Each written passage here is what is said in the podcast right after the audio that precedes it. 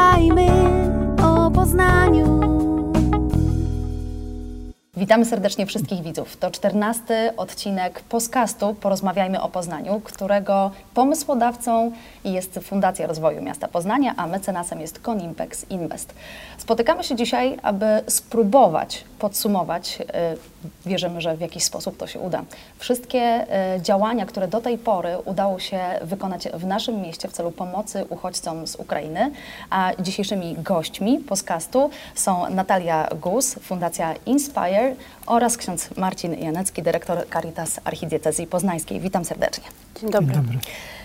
Ważne, mam wrażenie, wspomnienie dla nas wszystkich, ten pamiętny dzień lutego i zastanawiam się w momencie, kiedy wybucha wojna, co myślą osoby takie jak Państwo, kiedy wiecie, że będzie trzeba ruszyć z pomocą ludziom, którzy za chwilkę przybędą do Polski, przybędą z pewnością do naszego miasta. Nie wiem, czy tak daleko te myśli wtedy już e, wybiegały, ale chciałabym zapytać, co na początku w Waszych głowach się pojawiło? Pani Natalio, na początek poproszę Panią. Tak szczerze, pierwszego dnia tak, chyba taki prywatny strach przede Mhm. wszystkim, z totalną nieświadomością tego, co nas czeka. Pamiętam 25, piątek bodajże, jeszcze ze spotkaniami e, dosyć istotnymi, jakby związanymi z przyszłością fundacji, ale na chwilę jeszcze bez myślenia o tym, że w sobotę zacznie machina, że, że machina ruszy i że tak naprawdę zaczniemy szykować się do otwarcia punktu recepcyjnego i potem już kolejnych, kolejnych miejsc. Pierwszy moment jeszcze cicho, Jeszcze cicho. a potem ruszyło. Mhm. Proszę księdza. Tak, myślę, że tu nas łączy to odczucie, ponieważ akurat przyznam się, że e, ta wiadomość e, dotarła do nas, kiedy e, przeżywaliśmy taki czas szczególny, wycinaliśmy drzewa, które zostały uszkodzone przez wiatry w naszym ośrodku rekolekcyjnym nad morzem w Dębkach. I właśnie ten poranek pamiętam, kiedy e, też i pracownicy, którzy tam są, są właśnie z Ukrainy i przekazali nam tę informację, że właśnie w nocy zaczęła się wojna. E, To właśnie też te pierwsze myśli, tak jak tu pani Natalia wspomniała, to były takie myśli mówiące o tym, co teraz. E, Takie myśli też właśnie dotyczące naszego życia, najpierw pewnie, ale też i później powoli takie docierające też wszystkie te do serca impulsy mówiące, no my tutaj jesteśmy w jakiś sposób daleko, jesteśmy e, no, tymi pewnie, którzy będą udzielać pomocy. I potem właśnie każde kolejne informacje, które sprawiały, że no, trzeba było powoli myśleć, jak organizować pomoc, na co się przygotować, e, czego można się też spodziewać, bo myślę, że tego pierwszego dnia jeszcze tak do końca nie wiedzieliśmy ani jak to się wszystko potoczy, ani jak długo potrwa wojna, więc było też taka wielka niewiadoma. No i też pewnie pytanie, wtedy jeszcze ono się to tak nie rodziło mocno, z kim będziemy współpracować, z kim będziemy tworzyć tę pomoc. Y, Dlatego, że Fundacja Caritas po prostu ma swoją strukturę i myślę, że to było mm, organizacyjnie być może nieco łatwiejsze do tego, żeby spróbować gdzieś sobie wyobrazić, jak ta machina ma działać. W przypadku Fundacji Inspire, nowego y, tak naprawdę tworu, z pewnością musiała to być naprawdę y, lawina, grom z jasnego nieba, który teraz od razu stawia Was przed wielkim wyzwaniem.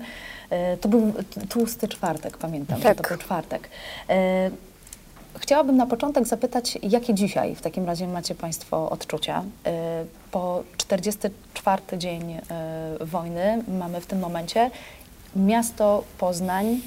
Czy udało nam się stanąć przed tym wielkim logistycznym przede wszystkim wyzwaniem pomocy y, Ukraińcom? Na razie pytam tak ogólnie, co Państwo myślicie na ten moment? Zdecydowanie tak. Mhm. Ja jestem jako poznanianka, wielkopolanka, nie ukrywam, szalenie dumna z y, tej takiej pracy organicznej, która została wykonana. Mhm. Bo tak obiektywnie to wszystko, co się zadziało, zadziało się ponad podziałami. Oczywiście pewne wytyczne przyszły z góry, one musiały wyjść.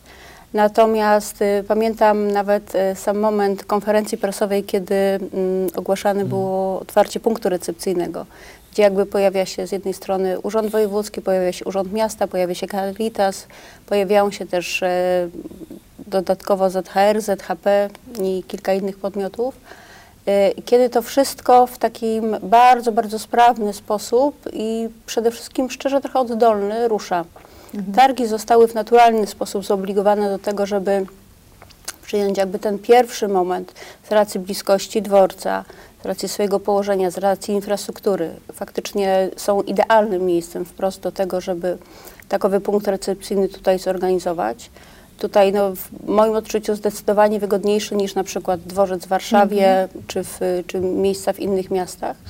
E, I to się wszystko po prostu potoczyło. Pracą, dużą pracą w ciągu dwóch dni powstają pewne struktury. E, I tak naprawdę zaczynamy pracować dzień po dniu, układając sobie tą codzienność. Oj, mieliśmy bardzo dużo problemów na początku, takich zupełnie naturalnych, tak. Sam tryb pracy w punkcie recepcyjnym, 24 godziny na dobę. Właśnie chciałam zapytać o te zupełnie naturalne problemy, bo przyznam szczerze, że bardzo wielu ludzi włączyło się w tę pomoc y, oczywiście w roli wolontariuszy. Przychodzą i mówią, chcę pomóc i teraz y, jak to wyglądało na początku? Bo bardzo wielu ludzi się zgłosiło, ale musiał się znaleźć ktoś, kto powie, to ty proszę y, zajmij się, nie wiem, załatwianiem dobrej żywności, tak, zapytaj o potrzeby, ty organizuj pomoc lekarską albo rób wywiad, więc chciałam zapytać właśnie, jak to się rodzi, w jaki sposób z takiego chaosu i tak naprawdę potencjału przecież, który się rodzi w tych ludziach, nagle okazuje się, że udaje się stworzyć właśnie tą, jak mówicie Państwo, z, z której jesteście zadowoleni strukturę. Jak to się robi? Jak co było problemem przede wszystkim?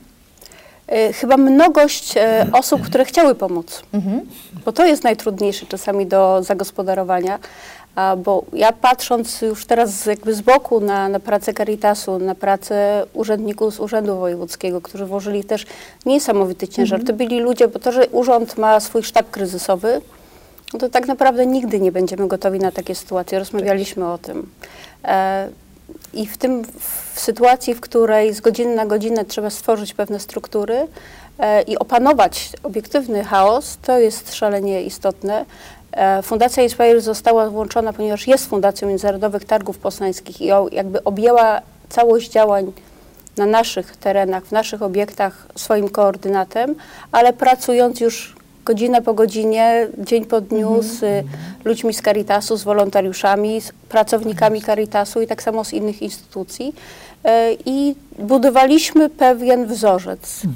Tak, myślę też, że tutaj e, ja tak pamiętam tą pierwszą właśnie konferencję. E, też, e, no powiem szczerze, że to była taka konferencja, pewnie tam wtedy stając e, obok właśnie pana wojewody, pana prezydenta, też i właśnie harcerzy, wolontariuszy, to myślę, że nie byliśmy do końca świadomi tego, co nas czeka, jakie też będą przed nami wyzwania, bo to były też pierwsze dni, pierwsze godziny tego, co się działo. I tak jak tutaj też pani zauważyła, rzeczywiście, że Caritas dysponuje strukturami, no powiedzmy, mamy to ułożone, prawda, pomoc żywnościowa, pomoc materialna, rozdzielanie tej pomocy, zdolność przekazywania, przyjmowania darowizn, rozdzielanie tego wszystkiego, magazyny, samochody, logistyka, e, kontakt na przykład, prawda, mamy też, e, no my tutaj na te nasze potrzeby odpowiadaliśmy dzięki też kontaktom z Caritas Ukraina, która też działa e, z Caritas Kościoła Rzymskokatolickiego, ale też jest odpowiednikiem w Kościele Katolickim. To też bez, bez tych wskazań byśmy na przykład nie potrafili stąd z Poznania wysyłać transportów i dokąd mają docierać. Potrzebni byli ludzie, którzy są tam na miejscu. Więc to jest taka sieć kontaktów, która też, że tak powiem, z nami tutaj przyszła i myślę, że też dzięki temu nasza pomoc stawała się coraz bardziej skuteczna. To jest ważne też właśnie, że ten początek to był taki ogromny zryw, prawda? Wszyscy e, też nawet potem były takie apele, aby już nie jechać na granicę, żeby Tak. już nie zbierać w samochód czegokolwiek Tak. i blokować przejazdu, bo transporty humanitarne, e, samochody wojskowe nie mogły przejechać, ponieważ stały osoby w samochodach cywilnych, prywatnych i doszło do bardzo niebezpiecznej sytuacji też, prawda, kiedy e, tam wszyscy chcieli pomagać, nie było to skoordynowane, bo też na początku to właśnie był taki wielki zryw. Dlatego potrzeba było i cieszę się, że tu się udało to stworzyć właśnie w, na terenie Międzynarodowych Targów Poznańskich. Ja tak wtedy powiedziałem, też pamiętam podczas tej konferencji, że widać jak targi się zmieniły, bo ja znam targi jako dyrektor też z doświadczenia od lat przygotowania wigilii dla prawie 2000 bezdomnych, czasami to było więcej, od 11 lat już, którą przygotowaliśmy tutaj na terenie Międzynarodowych Targów Poznańskich. Y, Później, prawda, przyszła pandemia, która też nas przećwiczyła w całkiem innym kierunku. Targi otworzyły swoje też podwoje, e, oddając miejsce na szpital, e, który powstał, który przecież też przyjął tysiące ludzi, miejsce szczepień też, prawda, dających e, bezpieczeństwo, ratunek. No i teraz, kiedy ja już tak sobie myślałem, powiem szczerze, mówię, teraz trochę wytchnienia, powoli kończymy pandemię. Przyszedł No i właśnie tak. I nagle pojawiło się to wyzwanie dla nas, dla takiej organizacji, jaką jest Caritas, to wyzwanie ogromne. E, No i też pewnie tak jak tutaj wiemy, nowa fundacja to ma taki bojowy chrzest i muszę pogratulować, bo myślę, że naprawdę jako do współpracy do tych działań, które podjęliśmy wspólnie, to e, spisała się fundacja na najwyższą ocenę. I mówię to patrząc na taką naszą współpracę z wieloma innymi organizacjami, które też są i działają nieraz od wielu lat. Więc te działania były ogromne. A targi stały się, tak powiedziałem też wtedy właśnie sercem Poznania, takim bijącym rzeczywiście dla drugiego człowieka jeszcze mocniej, bo i pomoc bezdomnym przez lata, i pomoc w czasie pandemii tym, którzy chorują, no i teraz otwarcie swoich wrót też i miejsc, które są przygotowane i oddane na pomoc uchodźcom z Ukrainy. Więc to jest coś pięknego. Coś pięknego, co chyba moglibyśmy może trochę podsumować w liczbach. Ja wiem, że te liczby w ogóle oficjalne ogólnie jest bardzo ciężko, bo ta pomoc, ciężko ją zliczyć. E, Wszyscy tej pomocy udzielają, e, coraz to nowe osoby napływają, które tej pomocy potrzebują. Nie wszystko jest usystematyzowane, ale pytanie, czy są jakieś liczby, e, które mogą spróbować narysować poznaniakom po prostu z jaką skalą tą zarejestrowaną mm, zmierzyliśmy się do tej pory jako Poznań. Tak jak Pani wspomniała, to wbrew wszystkiemu wcale nie są takie proste dane. Mm, Zbiera je częściowo Urząd Miasta, wydając na przykład karty a, PK bezpłatne, czy Urząd Wojewódzki gdzieś tam częściowo te osoby zliczając, natomiast y, ciągły przepływ to jest też istota. A, dane, które też Caritas cytował w pewnym momencie i to są dla mnie takie bardzo istotne. W punkcie, w centralnym magazynie zbiórki, gdzie, który przez miesiąc funkcjonował w pawilonie czwartym, przewijało się dziennie około 700 wolontariuszy w takim Każdego momencie, dnia. jeszcze każdego, Każdego dnia, tak? przecież tak. E, z jednoczesną pomocą udzieloną blisko 1200 osobom ukraińskim, które przychodziły po tak zwaną, myśmy to nazywali wydawkę. Tak, tak, tak? Czy to odzież, czy rzeczy, Tak, które były też dowolne. żywność taką. Tak, E, tak. W dwóch miejscach tymczasowych, miejscach zakwaterowania, czyli Arena i pawilony 77A, każde na 700 osób. I tutaj też te osoby rotują, tak? Więc jesteśmy tak naprawdę, jeśli nawet popatrzymy na takie dane, które pojawiały się już kilka tygodni temu, około 15 tysięcy chyba osób, które się przewijały. W punkcie recepcyjnym, jeśli pamięć mi myli, dziennie też przewija się około tysiąca osób. Także gdybyśmy sobie nawet policzyli 44 dni, Tak, i teraz razy też- nawet te tysiąc Tak. osób, a przecież pamiętamy momenty, w których, e, gdy punkt jeszcze funkcjonował w holu wschodnim, czyli tym głównym wejściu na targi, Tak. Gdzie może to zabrzmi bardzo trywialnie, ale było czarno, tak? I było to cały, de facto przez cały dzień. W związku z tym tam wtedy te liczby były na pewno bardzo, bardzo zbliżone, więc pewnie jesteśmy w granicach 40 iluś tysięcy osób, które na pewno przewinęły się przez nasze miejsca. No, to do tego pewnie też trzeba dodać jeszcze wolontariuszy, bo Tak. mamy tutaj, że ZHR, tak też wspominaliśmy, że prawda, działało intensywnie, bardzo mocno z nami tutaj przy, przy tym pawilonie numer 4. Mhm. Y, To też y, właśnie ta całodobowa służba wolontariuszy w pawilonie teraz numer 2, wtedy właśnie w tej centralnej części też Międzynarodowych Targów Poznańskich, no my mamy zarejestrowane około 4000 wolontariuszy, którzy zgłosili się tylko do tego punktu, Mhm. który działa całą dobę, czyli nie pawilon 4, tylko pawilon sam numer 2, który działał cały czas i działa do tej pory całodobowo, gdzie są wolontariusze, którzy czekają i w dzień, i w nocy na tych, którzy przychodzą i pytają o różne rzeczy, bo tam też jest wiadomo cała sieć tych różnych punktów, które i miasto, i wojewoda, i też te urzędy różne, które są w mieście, przygotowały, aby pomóc naszym gościom, którzy są w Poznaniu właśnie, by mogli się odnaleźć i swoje miejsce znaleźć. A czy macie y, Państwo wyobrażenie o tym, y, z jakim tempem rotują na przykład taki, y, tacy uchodźcy? Bo domyślam się, że y, no, miejmy nadzieję, ten czas spędzony choćby w arenie czy, czy w pawilonach, kiedy y, przebywa się na leżaku tak naprawdę być może z dzieckiem albo z jakąś inną starszą, bliską osobą, y, no każdy liczy, że to jest bardzo tymczasowa sytuacja. To ten tymczas, ile mniej więcej może trwać? Jesteśmy to w stanie jakoś określić, żeby sobie wyobrazić, z czym mierzą się też ci ludzie? Ten tymczas na Mhm. początku miał zasady wynosić 2 do 3 dni. Mhm. Natomiast i tak faktycznie na początku było. Mhm. Osoby przyjeżdżały, potrzebowały zakwaterowania, potrzebowały chwili odpoczynku, natomiast były obiektywnie dość sprawne w poszukiwaniu e, swoich miejsc już docelowych.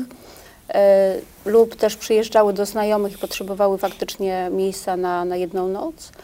Natomiast w tej chwili musimy sobie to obiektywnie powiedzieć, to są osoby, część to są osoby, które przybywają tam już chwilami nawet stale od kilku tygodni. E, to też jest bardzo duża trudność e, w, jakby w przekazaniu i też w pewnym stopniu udowodnieniu im tego, że miejsca, które są dla nich przeznaczone gdzieś poza Poznaniem, w mniejszych miejscowościach w Wielkopolsce, Tak. że to są równie wartościowe miejsca. Mhm, mhm. A te, które są tutaj, są potrzebne dla tej przysłowiowej, dla tych, którzy i przybywają, ale też ewentualnych nowych fal. E, I z tym się w tej chwili bardzo mocno mierzymy. I w arenie, i w pawilonach 7-7A. Mhm, mhm. E, Druga rzecz, która zaczyna mi się kojarzyć jako e, no, te najbliższe potrzeby, kiedy pojawiają się tacy ludzie. Pytam teraz o mm, odpowiedź tak zwanego systemu, czyli dajmy na to, mierzymy się z chorobą, potrzebujemy opieki lekarskiej, szkolnictwo. Czy mamy jakąś odpowiedź, jak tutaj w Poznaniu udało nam się zarządzić właśnie takimi e, potrzebami? Może zacznijmy od szkół. Pojawiają się dzieci, czy zdajemy sobie sprawę z tego, jak chętnie te szkoły na przykład odpowiadają na to, żeby tymczasowo przyjąć do klasy takiego małego uchodźcę, czy ciężko na razie o takie dane? To znaczy z tego co wiem... Bo to y, są pewnie opowieści tak, po tak, prostu tak. tych ludzi, którzy dziękują albo Tak, zdają relacje, oczywiście. prawda? Z Mhm. tego, co się tutaj też dowiadujemy przy okazji właśnie przygotowywania wyprawek szkolnych, bo najczęściej też zwracają się właśnie te miejsca, gdzie są uchodźcy o to, by przygotować plecaki, przybory szkolne dla dzieci i młodzieży. Wydaliśmy do tej pory około 150 wyprawek szkolnych. Y, To rzeczywiście też nabiera takiego rozpędu i wiem, że powstały i oddziały przedszkolne specjalne dla Mhm. dzieci z Ukrainy. Y, Powstały też w każdej klasie takie miejsca, gdzie rzeczywiście uczniowie są przyjmowani. Chyba w poznańskich szkołach nie ma nawet chyba takiej szkoły, gdzie nie byłoby dzieci z Ukrainy, z tego co słychać. Więc y, też i dzięki właśnie tutaj dostępom związanym z pawilonem numer 2 wiemy, że takie informacje miasto udziela i ta młodzież jest przyjmowana.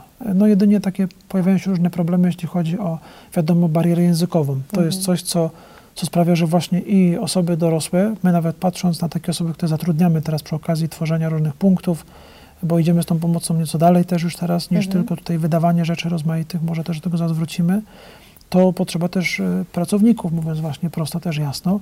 I ta bariera językowa jest rzeczywiście e, potężna, więc i w szkołach, i w rozmaitych świetlicach, w różnych punktach e, są i już działają. Rozkręcone są kursy, które pomagają przygotować się do tego, by rzeczywiście te dzieciaki, młodzież, dorośli także mogli zafunkcjonować w społeczeństwie, w tych strukturach, które są u nas i które, tak patrząc obiektywnie, są pewnie otwarte i gotowe przyjąć też uchodźców. Mhm. Fundacja Inspire właściwie powstała po to, żeby akurat, no, nie było wówczas mowy jeszcze o uchodźcach, gdy powstawała, y, ale właśnie y, nadawać w cudzysłowie tej odwagi, pomóc się odnaleźć w czasami y, na trudnym rynku pracy, choć wydaje nam się, że cały czas mamy rynek pracownika, to oczywiście wiem, że to wszystko już się zdążyło pozmieniać, ale chciałam zapytać właśnie w związku z tym o to wielkie wyzwanie chyba, przed którym teraz stanie Fundacja właśnie z tym swoim takim statutowym działaniem, bo przecież ci wszyscy ludzie, zwłaszcza ci, którzy osiedli na kilkanaście tygodni albo y, na ten dłuższy czas gdzieś w tych punktach, y, potrzebują chyba właśnie tej pomocnej dłoni, tego takiego delikatnego popchnięcia, prawda, do działania. Jak to robicie? Zdecydowanie. Czy robimy? Myślę, że zaczynamy. Mhm. Tak? E, tak obiektywnie ten pierwszy miesiąc to było nadal zaspokojenie tych podstawowych Jasne. potrzeb. Ponieważ one cały czas rotowały, pojawiały się e, nowe, ale też potrzeby trochę na większą skalę. E, I faktycznie pierwszy miesiąc działania wspólnego Jasne. w każdym z tych miejsc był istotą zabezpieczenia tych podstawowych Potrze- potrzeb. Oczywiście. Teraz jesteśmy w nieco innym miejscu. Po pierwsze, też częściowo dlatego, że jakby te nasze ludzkie aspekty pomagania, one się w jakimś stopniu wyczerpały. Mhm. I, I to jest chyba też zupełnie naturalne. I nie mając do nikogo żadnych pretensji, wiemy, że w tej chwili musimy pomagać po prostu inaczej, dużo bardziej systemowo. E, ale to, co, o co Pani pyta, to, co jest najistotniejsze, faktycznie te osoby, z którymi mierzymy się teraz, bo tak też musimy na to popatrzeć, to są osoby, które są jakby nieco bardziej dotknięte. Mhm. W pierwszej fali, i to obserwowaliśmy, przyjechały osoby jednak bardziej zamożne, lepiej wykształcone, osoby też, które miały tutaj swoich bliskich, swoich Mhm. znajomych, osoby, które nie jechały w nicość. E, I one to są te dzieciaki, i te dzieciaki pojawiły się jako pierwsze w szkołach, to są mamy, które ruszyły do szkoły, do pracy Mhm. I one funkcjonują. Natomiast osoby, z którymi spotykamy się teraz i prowadzimy od czasu do czasu takie rozmowy, ale takie sygnały docierają też do nas z różnych źródeł, to są ludzie, którzy u siebie na miejscu nie pracowali. To są osoby, które tak naprawdę nie mają specjalnych nie chciałabym nazwać tego ambicji, natomiast nie mają specjalnych potrzeb. One, jeśli będą chciały pójść do pracy, to dlatego, żeby nam odwdzięczyć się. Mhm. Z tą całą świadomością, że jako Polacy zrobiliśmy bardzo duży ukłon w ich stronę, zrobiliśmy naprawdę dużo dobrego i oni chcą na, chcieliby nam za to podziękować. Natomiast wprowadzenie nawet w nasz rynek pracy osoby, która nie pracowała u siebie, jest ukraińskojęzyczna, Mhm. będzie szalenie trudne. Oczywiście. E, To, na czym się chcemy skupić, i tutaj rozmawialiśmy już z kilkoma instytucjami, i takie są nasze plany, to faktycznie po pierwsze szkolenia, Mhm. szkolenia dla osób, które myślą o tym, żeby założyć działalność gospodarczą, bo dlaczego tego w ten sposób nie zrobić? Mhm. Po drugie, szkolenia pokazujące, jak wygląda nasz rynek pracy, jak należy się do, zaadoptować, na co należy zwrócić uwagę, a co jest normą, bo tutaj też jest istotne no, to, żeby w jasny sposób przekazać informacje, co jest w Polsce zgodnie z prawem normą, a co jest nadużyciem. Co jest nadużyciem. Tak E, jest. W ten sposób doszliśmy do bardzo ważnego punktu. E, Wiedzieliśmy od początku, że to będzie maraton, tyle tylko, że ci pierwsi, albo nawet powiedziałabym sztafeta, ci pierwsi zawodnicy, którzy pobiegli, teraz chcą przekazać tę pałeczkę dalej. E, Przed jakimi wyzwaniami teraz e, stoimy, co nam jest najbardziej potrzebne właśnie w tej systemowej pomocy e, i pewnie m, również chciałabym spojrzeć na to z tego punktu widzenia mm, osób, które chętnie pomagają tak oddolnie, bo Tak. przecież Caritas właśnie tę Tak oddolną wspiera, pomoc y, gromadzi i potem Tak. organizuje dalej. To więc na pewno to, co tutaj mówiliśmy, też już wiadomo, że to, że pewna część osób została w halach, które miały być tylko na tymczasowo, no wymaga tego, by też zapewnić im opiekę. E, Jakoś tak może też właśnie nakierować, aktywizować, że tak powiem, ale oprócz tego, no, e, na przykład jako Caritas mamy też e, prawie 500 osób w naszych ośrodkach, w budynkach, gdzie te osoby są obecne i cieszę się z tego, że odwiedzając te miejsca widzę, że no, na przykład mamy podejmują pracę, dzieciaki są już w przedszkolach, w szkołach i Mhm. tak dalej, więc zaczynają funkcjonować tak, jak właśnie też powinno funkcjonować w społeczeństwie, że nie tylko czekamy teraz, prawda, siedząc i patrząc w ścianę, tylko właśnie idziemy dalej. Oczywiście wymaga to obstawienia, widzę też takiego mocnego i psychologicznego, jeśli jest to jakieś doświadczenie właśnie tego, co się działo tam na miejscu. Pamiętamy też o rozłące, prawda? Jest to większa część kobiet z dziećmi. Mhm. E, Panowie zostali właśnie, by walczyć. To też w jakiś sposób wraca Ja i też potrzeba opiekę, opieki dla... Właśnie, co ona konkretnie może oznaczać? Bo dla jednych to oznacza, y, chciałabym przejść z takiego jakby ogólnego wymiaru do takich szczegółów, nad którymi pewnie każdy z nas się Tak. zastanawia, bo myśli sobie, no raz zaniosłem paczkę, oddałem y, trochę tak, to czasu jest, to jest, i co dalej? Czego jeszcze potrzeba? Tak, teraz, teraz tak patrząc też widzę, że potrzeba takiej ludzkiej obecności nawet też. Ja jadąc Rozmowy? czasami tak, tak, rozmowy, wysłuchania. Wiadomo, że właśnie tutaj znowu ten problem bariery językowej, ale Mhm. często właśnie e, zatrzymania z nimi, nawet w taki duchowy sposób modlitwy. To jest Mhm. dla nich bardzo ważne. Pamiętajmy, że oni właśnie w, bardziej w kierunku tu idą, e, niektórzy są prawosławnego wyznania, niektórzy katolickiego, ale potrzebują modlitwy. To ich bardzo umacnia też. Modlitwy o, za ojczyznę, o pokój tam na miejscu, za tych, którzy tam zostali. Mhm. E, Wsparcia ich właśnie też pokazanie im, że my myślimy też o tych, którzy tu są, ale pamiętamy też o tych, którzy tam są i walczą i potrzebują pomocy, bo tę pomoc cały czas organizujemy i wysyłamy. Mhm. E, Też e, udało się nam otworzyć e, Centrum Pomocy Ukraińskim Rodzinom, Mhm. które kompleksowo ma właśnie taką też jak gdyby opiekę zapewnić dzieciom do południa, w tym czasie, kiedy mamy są w pracy, kiedy szukają Świetnie. pracy. Mhm. Na razie przewidujemy przyjąć około 40 dzieci. Jeśli będzie taka potrzeba, to podwoimy tę liczbę, przygotowując kolejne piętro też domu przy ulicy Pamiątkowej, gdzie przygotowane są sale i sale lekcyjne i gabinety właśnie do pracy, czy to lekarzy, czy psychoterapeutów, czy innych też terapeutów, czy kursy językowe dla dzieci. E, Tak samo też właśnie w godzinach popołudniowych będą tam organizowane kursy językowe dla dorosłych. Mhm. Takie też zajęcia dotyczące właśnie poszukiwania pracy, poszukiwania tych różnych pomocy socjalnych, które są gwarantowane i przypisane tym osobom, które przybywają. Więc tak, y, że tak powiem, idziemy krok dalej, jak gdyby od tego punktu tylko wydania tej pomocy, która jest potrzebna oczywiście, ale dzisiaj to już nie jest y, wszystko, prawda? Mhm. Tak często jest, że najprościej nam jest pomagać. Ja że coś tam wrzucę na jakąś zbiórkę i pomogłem. No właśnie Nasze tutaj trzeba, jest już spokojne. Trzeba dalej, tak. Tak. Trzeba dalej jednak iść teraz i patrzeć, że tak jak tu Pani wspomniała, no jesteśmy razem wspólnie nadal i pewnie będziemy dalej też razem jeszcze przeżywać kolejne dni, tygodnie, czy miesiące i lata. Niestety słuchając opinii Mm. geopolityków wygląda na to, że jeszcze przed nami dość długa y, droga, y, przed nami droga, przed, przed innymi batalia, e, ale chciałabym jeszcze zapytać o mm, tę usystematyzowaną pomoc. Wiedząc na przykład o mm, potrzebie takiego wsparcia psychicznego, spodziewam się, że ilość ludzi z depresją, którzy nawet jej nie mają zdefiniowanej, na przykład przebywając w, takim, w takich miejscach, w punktach postojowych, e, jest przeogromna. I myślę sobie o takich prostych wpisach, które też gdzieś znajdujemy w internecie, prawda, że potrzebujemy, dajmy na to, e, jogurtów i bananów, bo podstawowa żywność jest dzięki właśnie e, Caritasowi czy innym fundacjom, które po prostu starają się zbierać albo działaniem po prostu takie podstawowe artykuły, a potem pojawia się coś ponadto, co takiemu smutnemu człowiekowi może pomóc, czyli nie kolejna kanapka z żółtym serem, tylko na Tak przykład jogurt e, z bananem. Czy my mamy jakiś taki sposób na to, żeby jakoś zbierać te potrzeby i właśnie dalej je wysyłać? Gdzie my je dalej chcemy wysyłać? Bo pewnie to osobiste kupowanie palety jogurtów no, nie wystarczy po prostu.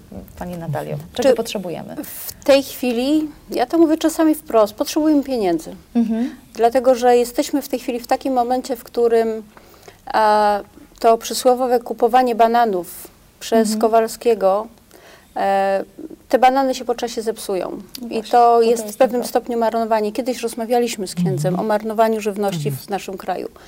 Więc y, to nie o to w tym wszystkim chodzi. Tak naprawdę, jeśli chcemy tym ludziom pomóc, to i nawet w tym aspekcie psychologicznym, tak, to znowuż działania polskich a, psychologów w układzie wolontaryjnym, one się po czasie wyczerpią. Mhm. Każdy z nas musi pracować, żeby móc funkcjonować. W związku z tym, jeśli jesteśmy w stanie a pewne rzeczy y, robić odgórnie tak naprawdę, Mhm. budując pewne akcje, wtedy mamy siłę. Ja kiedyś y, zastanawiałam się, co możemy w tej pie- w pierwszym momencie, kiedy pojawiła się potrzeba e, zapewnienia żywności, takiej usystematyzowanej żywności. Mhm. Pojawił się natychmiast projekt Posiłek dla Ukrainy, zorganizowany przez Targi we współpracy z fundacją, czy fun- fundację z Targami. I faktycznie udało nam się zaprosić prawie 100 firm, które swoimi funduszami wsparły ten projekt, ale dzięki temu jesteśmy w stanie i Pawilon 2, Mhm. i Hale 77A, czy być może w przyszłości Arenę, faktycznie w taki bardzo usystematyzowany sposób żywić. Mhm. E, I o takich projektach tak naprawdę myślimy również przyszłościowo. Ruszyliśmy też z projektem e, Wyprawka dla Ukrainy Mhm. i on tak naprawdę w przyszłym tygodniu wyjdzie już mocno w świat. I to też tak naprawdę dzięki naszym partnerom, dzięki wsparciu, e, takie rzeczy chcielibyśmy realizować i myślę, że to tak naprawdę ma sens, bo kiedy połączymy siły, połączymy też fundusze, Mhm. idziemy jakby w skalę masową, tak? E, pomagamy wtedy obiektywnie lepiej. Ta przysłowiowa jedna kanapka przywieziona do, Oczywiście. ona miała znaczenie, natomiast teraz Jesteśmy w innym w punkcie tejże punkcie, pomocy. zdecydowanie. Czyli kierujemy tak naprawdę, będąc w studio World Trade Center, y, prośbę do biznesu, do tego, żeby nawiązać współpracę właśnie w tych konkretnych dziedzinach, gdzie, dajmy na to, przedsiębiorcy mogą zakupić y, albo przeznaczyć środki na te y, produkty, których potrzeba, które są gdzieś tam w mniejszości. Ale też na usługi, których potrzeba. O właśnie, a jakich usług potrzeba? Może jeszcze... Jeśli rozmawiamy o wsparciu w tym momencie psychologów, to potrzeba nam psychologów, ale powinniśmy im za to móc zapłacić. Mhm. Jeśli prowadzimy zajęcia dla dzieci, to możemy prowadzić to częściowo wolontariatem, Mhm. ale przychodzi moment, w którym wolontariat się wyczerpuje, oczywiście. potrzeba nauczycieli, Tłumaczy, potrzeba szkoleń, tłumaczy tłumaczy. tak. Czyli właściwie widzę, że wyłania się taki obraz y, pomagającego y, poznaniaka, no bo rozmawiamy o Poznaniu, który na przykład chętnie poświęci swój wolny czas na to, żeby wesprzeć i będzie to robił przez jakiś czas oczywiście za darmo, ale przychodzi ten moment, kiedy on jest w stanie pracować więcej, ale to również dla niego musi być praca. Inaczej po prostu nam się to nie będzie udawać, zwłaszcza jeżeli opiekujemy się jeszcze rodzinami i tak naprawdę, umówmy się, te fundusze po prostu na te rodziny również idą, zanim one zdążą sobie poradzić same e, ekonomicznie. Więc y, prośba do biznesu, prośba o y, jakby współpracę między właśnie y, zarówno usystematyzowanymi y, już strukturami fundacji rozmaitych, państwa fundacji, do tego, żebyśmy spróbowali działać razem i pracować razem na rzecz dobra tychże ludzi. Nie można w tak krótkim czasie spróbować podsumować wszystkiego. Nie jesteśmy w stanie, ale może jeszcze do tego tematu wrócimy. Y, Z tego miejsca bardzo chcemy podziękować wszystkim inicjatywom, zarówno fundacjom, y, organizacjom też kulturalnym, które trzeba podkreślić, że w Poznaniu zadziałały fantastycznie y, i zrobiły również wiele dla tych ludzi, zbierając pieniądze, ale też teraz dając rozrywkę choćby tym ludziom, którzy przybyli tutaj razem ze swoimi dziećmi. E, I myślę, że na pewno jeszcze warto będzie zaglądać na stronę internetową Fundacji Inspire. Czy na proszę, Facebook? proszę odesłać nas dokładnie na Facebook. www.fundacjainspire.pl Tam właśnie będzie można znaleźć e, pewnie e, sposób na to, w jaki sposób e, możemy pomóc. A z kolei na stronach Tak jest, Caritasu na stronie Caritas Arkidiecezji Poznańskiej też są wszelkie informacje, także na Facebookach, na stronie Po Pierwsze Miłość, to jest strona wolontariuszy naszych, też można wszystkie informacje na bieżąco odnaleźć. Ja ze swojej strony dodam jeszcze, że wiele akcji w mediach społecznościowych pod hashtagiem Poznań dla Ukrainy również można znaleźć, zwłaszcza jeżeli chodzi o wypełnienie tego wolnego czasu wszystkim tym, którzy przybyli do Poznania. Poznań jest wrażliwym miastem. Na koniec. Tak. Tak, ja mogę tylko, jeśli jeszcze zdążymy, powiedzieć tak jeden przykład, że kiedy miał miejsce wybuch e, gazu w kamienicy Mhm. na Dębcu, to rzeczywiście w ciągu doby, e, dzięki też zbiórce, którą uruchomiliśmy razem z miastem, zebraliśmy na takie potężne wsparcie finansowe dla tych mieszkańców i wszystkie rzeczy, które były im potrzebne tak od razu. To była taka jakby próba, Mhm. Taka rzeczywiście mocna próba przed tym, co przeżywamy teraz. I, i tamto wydarzenie, potem wiele, wiele innych i też te ostatnie z czasu pandemii i z czasu teraz e, wojny pokazują, że naprawdę poznaniacy łamią ten stereotyp, który się czasami pojawia, a jesteśmy naprawdę bardzo otwarci, gotowi do dzielenia się i pomagania. Bardzo Wam, drodzy widzowie i drodzy poznaniacy, za tę wrażliwość dziękujemy i niech nam jej nie zabraknie, bo przed nami całkiem długa sztafeta jeszcze. Do zobaczenia. Dziękuję bardzo. Dziękujemy.